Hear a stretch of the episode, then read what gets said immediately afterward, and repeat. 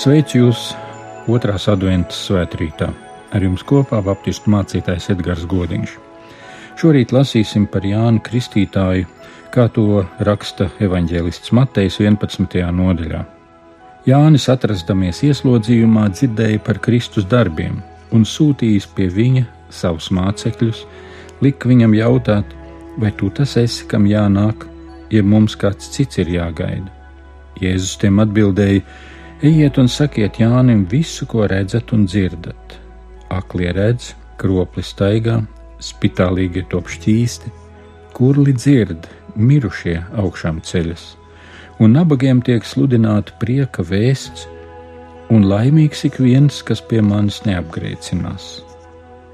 Kad tie devās prom, Jēzus sāk runāt ļaudīm par Jāni. Ko jūs izgājāt tuksnesī skatīt, vai niedri, ko vējš šūpo? Ko tad jūs izgājāt ieraudzīt, vai cilvēku smalkās drēbēs? Redzi, kas smalkas drēbes valkā tie ir ķēniņu namos. Tiešām, ko tad jūs izgājāt ieraudzīt? Vai pravieti? Patiesi, es jums saku, pat vairāk nekā pravieti. Viņš ir tas, par ko ir rakstīts: redzies, sūtu savu sūtni pirms tevis, kas tev ceļu sagatavos tavā priekšā. Patiesi es jums saku, Starp dzimušajiem no sievietēm neviens nav cēlies lielāks par Jāni Kristītāju, bet mazākais debesu valstībā ir lielāks par viņu. Tik tālu svētie raksti.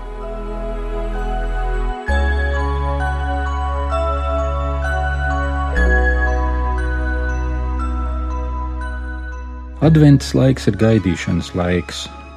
Tas arī nozīmē gaidīt.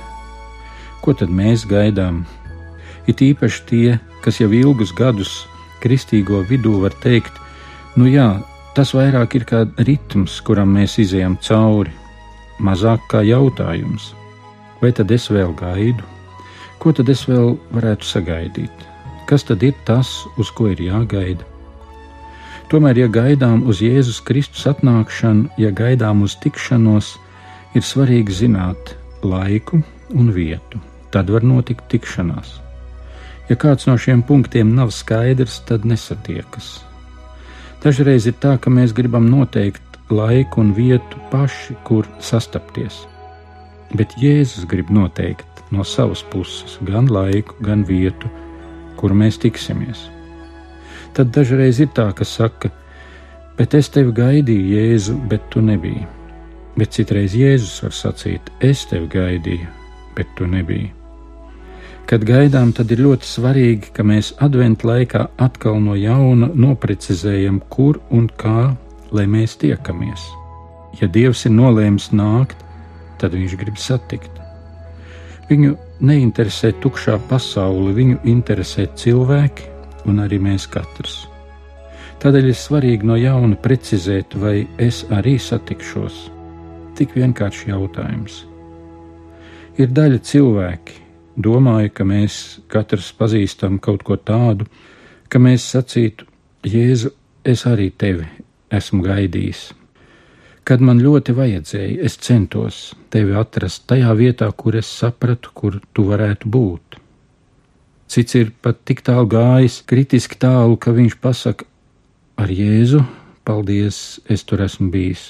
Man ir sajūta, ka man cits jāgaida, jo viņu es nesagaidīšu tie ļoti skumji brīži.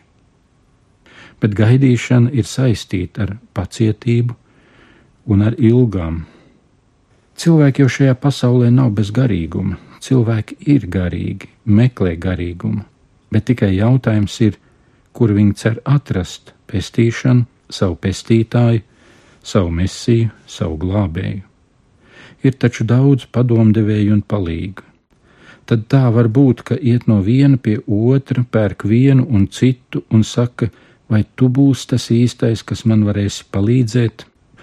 Tad tāds meklētājs iemaldās kristīgā vidē, ienāk ar to pašu sajūtu, ka es izmēģinu vienu no iespējām, bet droši vien jau es iešu tālāk, jo kaut kur citur būs tas īstais, kur es atradīšu savu pestītāju. Nevienam cilvēkam, nevienai citai idejai mēs nesvinam adventi, kā vien Kristum, jo viņš ir apsolījis: Es nākšu pie jums, es jūs satikšu. Tā ir patiesība, un tā ir Jēzu Kristu. Ir tikai viena dzīvība, un tā ir Jēzu Kristu. Ir tikai viena īsta palīdzība, un tā ir Jēzu Kristu. Mūžībā ies tikai tie, kuri ir sastapuši savu pestītāju jau šeit, no debesīm nākuši, kur adventi mēs tagad svinam un uz kuru mēs gaidām. Jautājums, kurš ir mans pestītājs, ir tik svarīgs, ka ir jāsastopas ar šaubām, lai izvērtētu un netiktu aizpūsts līdz tiem, kuri neko nevar palīdzēt. Tas, ka iziet cauri šaubu laikam, to redzam arī pie Jāņa Kristītāja. Mēs pārsteigti varētu jautāt, ko tu domāji, uzdodot Jēzum tādu jautājumu? Kas bija tava problēma? Vai tad tu pats iepriekš neteici, ka Jēzus ir Mesija? Kāpēc tu šaubies? Vai tad, kad tu atradies cietumā, mācekļi tev nestāstīja, ko Jēzus dara ārpusē, un aprakstā ir teikts, kad Jānis par Kristus darbiem dzirdēja. Tātad par Mesijas darbiem dzirdēja, kā viss tiek dziedināti, viss attīstās un viss notiek. Nu, Jāni, ko tu domāji, kāpēc tu uzdod tādu jautājumu? Uzdot jautājumu nav nekas slikts. Tas tikai rāda, kur kāds cilvēks atrodas. Ja vairs nav jautājuma, tad ir sastingums. Jautājumiem ir jānoved pie kustības. Ja jautājumi nenoved pie kustības, tad viņi nav sasnieguši savu mērķi. Svarīgi ir tas, ka zinām, kam jautāt. Jānis gāja labā virzienā, Viņš jautā Jēzum, viņš jautā Dievam. Kāpēc Jānis bija nonācis tādā situācijā, to mēs tā īsti nezinām, bet kaut ko varam nojaust. Jānis Kristītājs bija viens no lielākajiem evaņģēlistiem tajā laikā. Pie viņa izgāja visa Jūdeja un Jeruzaleme. Tie ir pūļi, kas atstāja savu ikdienas darbu un gāja pa tūkstnešu ceļu, lai sastaptu vienkāršu vīru, kurš skarbi runāja. Tādēļ Jēzus vēlāk šiem cilvēkiem jautā, kāpēc tad jūs uz turieni skrējāt?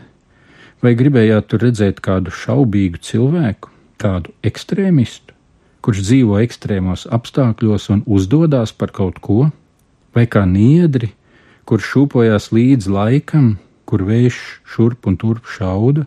Jūs gājāt meklēt cilvēku, kurš meklē popularitāti ar savu dzīvesveidu, un ar savu piegājienu grib pirkt cilvēku labvēlību, vai to jūs meklējāt?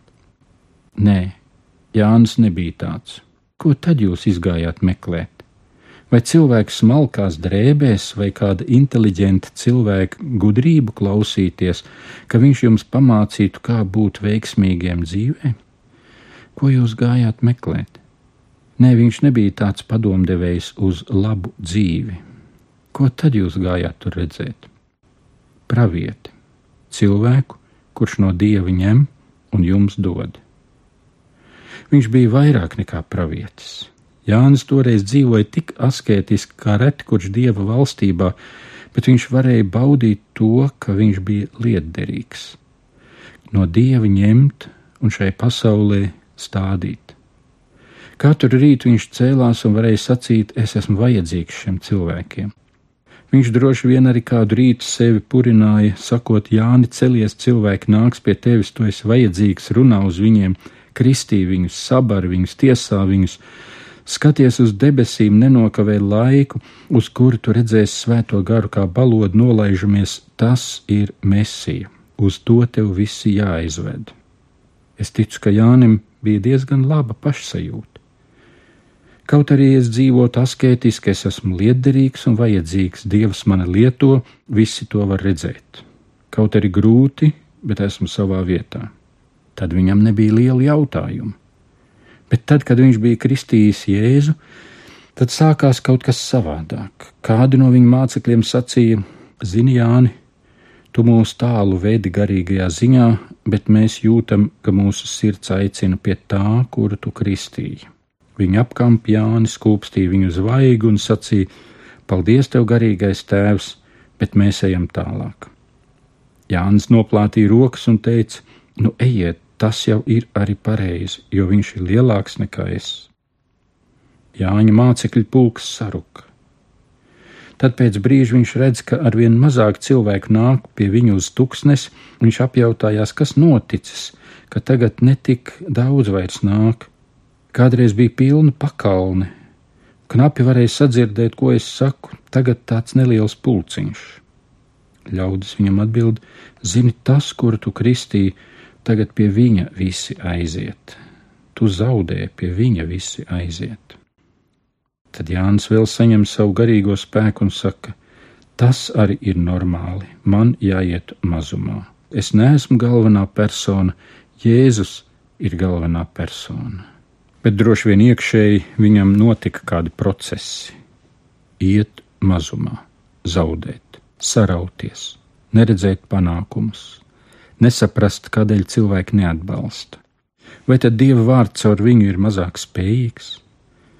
Tad vēl nāk ieslodzījums, viņu ieliek cietumā, ne jau par ļaunu darbu. Uzrādīt grēkus politiski augstu stāvošām personām tas ir riskanti.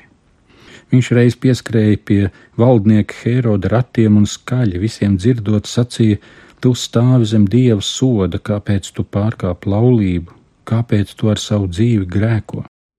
Herods nebija ar mieru, ka viņu publiski zākā un ielika Jāni cietumā. No viņa pasaules saraujas vēl mazāk. Viņš nevienam vairs nevar sludināt. Pie viņa ir tikai daži mācekļi, kas atnāk līdzjūtībā atnest kaut ko ēdamu. Viņš ir pilnīgi norobežots.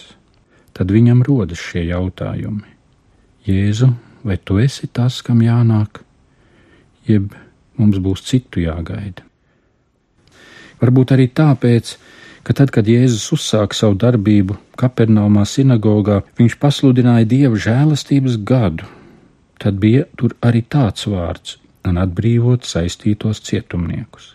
Jānis domā, jā, spitālīgie tie ir dziedināti, slimie ir dziedināti, akliem acis atvērtas, klibie staigā. Kur ir cietumnieki? Vēl neviens nav atbrīvots. Es esmu cietumā, viņam vajadzētu nākt pie manis atbrīvot. Viņš tā gribēja Jēzum atgādināt un teikt: Jēzu, neaizmirsti mani. Vai dažreiz nav tā, ka mēs ejot cauri dzīvei, nonākam vairāk jautājumos nekā skaidrībā? Un tad, kad mums kāds no malas jautā par mūsu ticību, tad mēs saņemam visu garīgo drosmi un sakām pareizi tā, kā tas ir jāsaka. Un tā arī ir taisnība, bet tad, kad paliekam vieni, kad ieraugam savus dzīves apstākļus, kas ierobežo mūsu dzīves telpu, ierobežotas iespējas, ierobežot veselību, nav liederības sajūtas kā agrāk. Liekas, ka lēnām esam nostumti uz blakus sliedēm, kur dzīves vilcieni paiet mums garām. Tad rodas šie jautājumi: Jēzu, vai viss ir bijis labi? Vai es esmu pareizi rīkojies, vai es esmu tevi atklājis pasaulē, vai tu esi bijis tas, vai es neko nenokavēju, vai pareizi rīkojos? Dzīves izvērtējuma brīži Tie ir smagi, bet ļoti vajadzīgi. Grūtības un šaubas ir daļa no gaidīšanas svētības. Gaidot, mēs zinām, tas beigsies, bet līdz tam mums ir vēl kāds augšanas process. Ir jānonāk vēl līdz kādām atbildēm. Svarīgākais, ko Jānis tādā situācijā atrada, ir viņš lauzās no sevis prom, jo domas vairs neriņķoja ap viņu vienu un viņa pasauli, viņš lauzās no sevis prom un teica: Es jautāšu to citiem. Savas dzīves novērtējumu jau pats sev nevar iedot, to iedod citi. Tādēļ viņš runāja ar citiem. Tas ir labs piemērs parunāt ar citiem, ej ārā no savām domām. Kādreiz mēs kļūstam par savu domu ieslodzītajiem vēl vairāk nekā Jānis būdams fiziski ieslodzīts. Viņš bija savu domu cietumā. No tā viņam vajadzēja lausties ārā. Tad, kad viņš varēja parunāt par savu lietu, viņš redzēja, ka ir vēl tālākais solis. Es varu iet pie Jēzus, es varu iet pie Dieva ar savu jautājumu. Un viņš sūtīja vēstnešus. Mums šodien nav vajadzīgi vēstneši, mums ir tieša pieeja Jēzum Kristum. Labākais, kur mēs ar saviem jautājumiem varam iet, ir iet tieši pie Dieva un sacīt: Dievs, kāds ir tavs spriedums par manu dzīvi?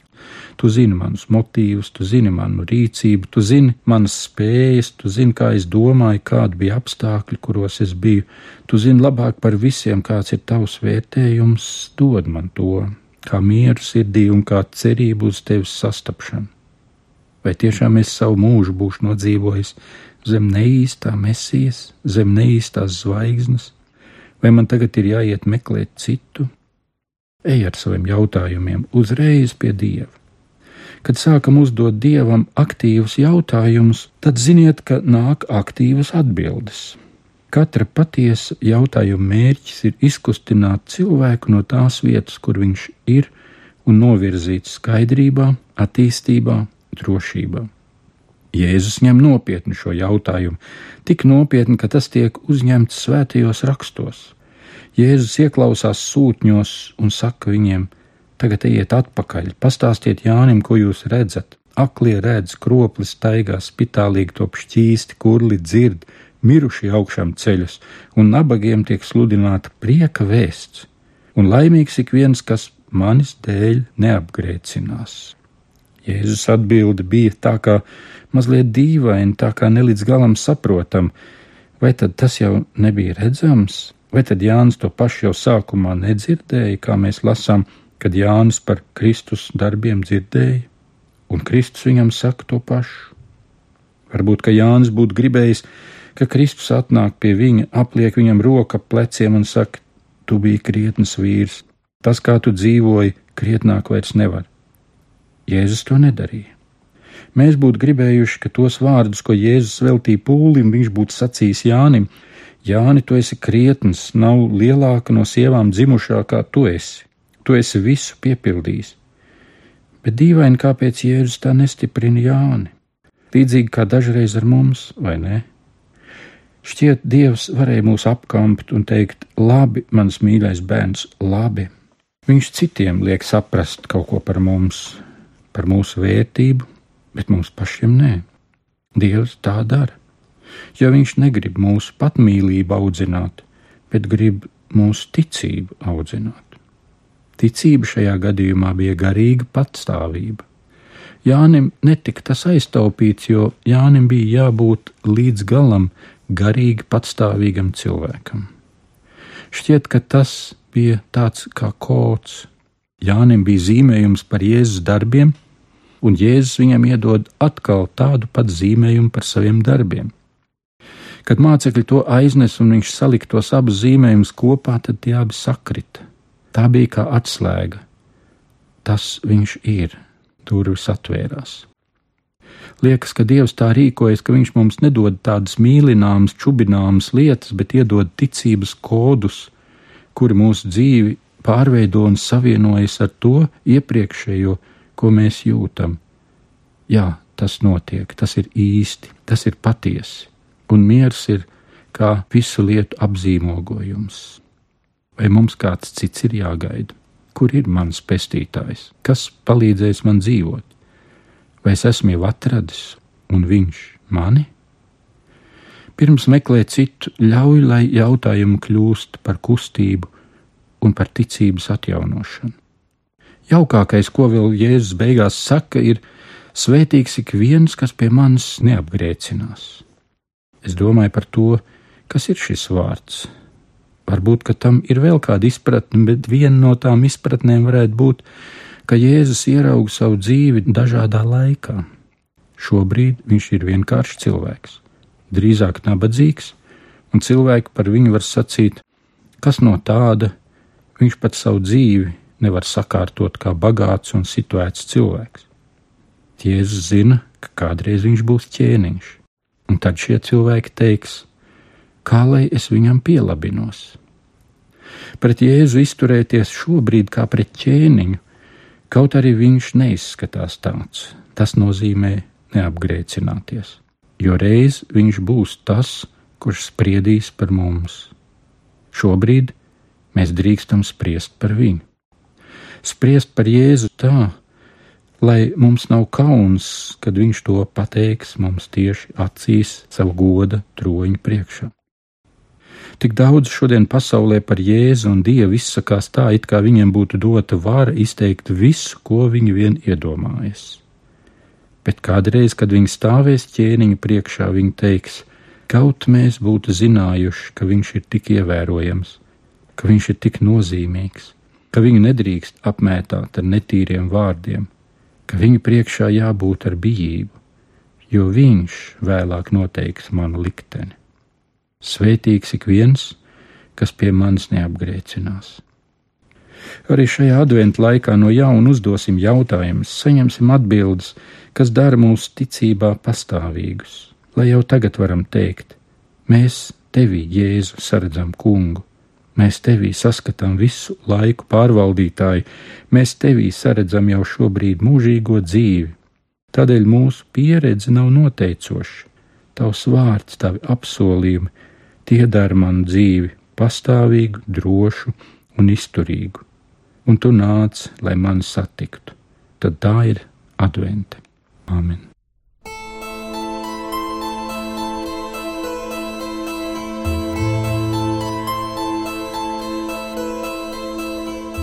Paldies, Jēzu Kristu! Tu nāci un tu nāci.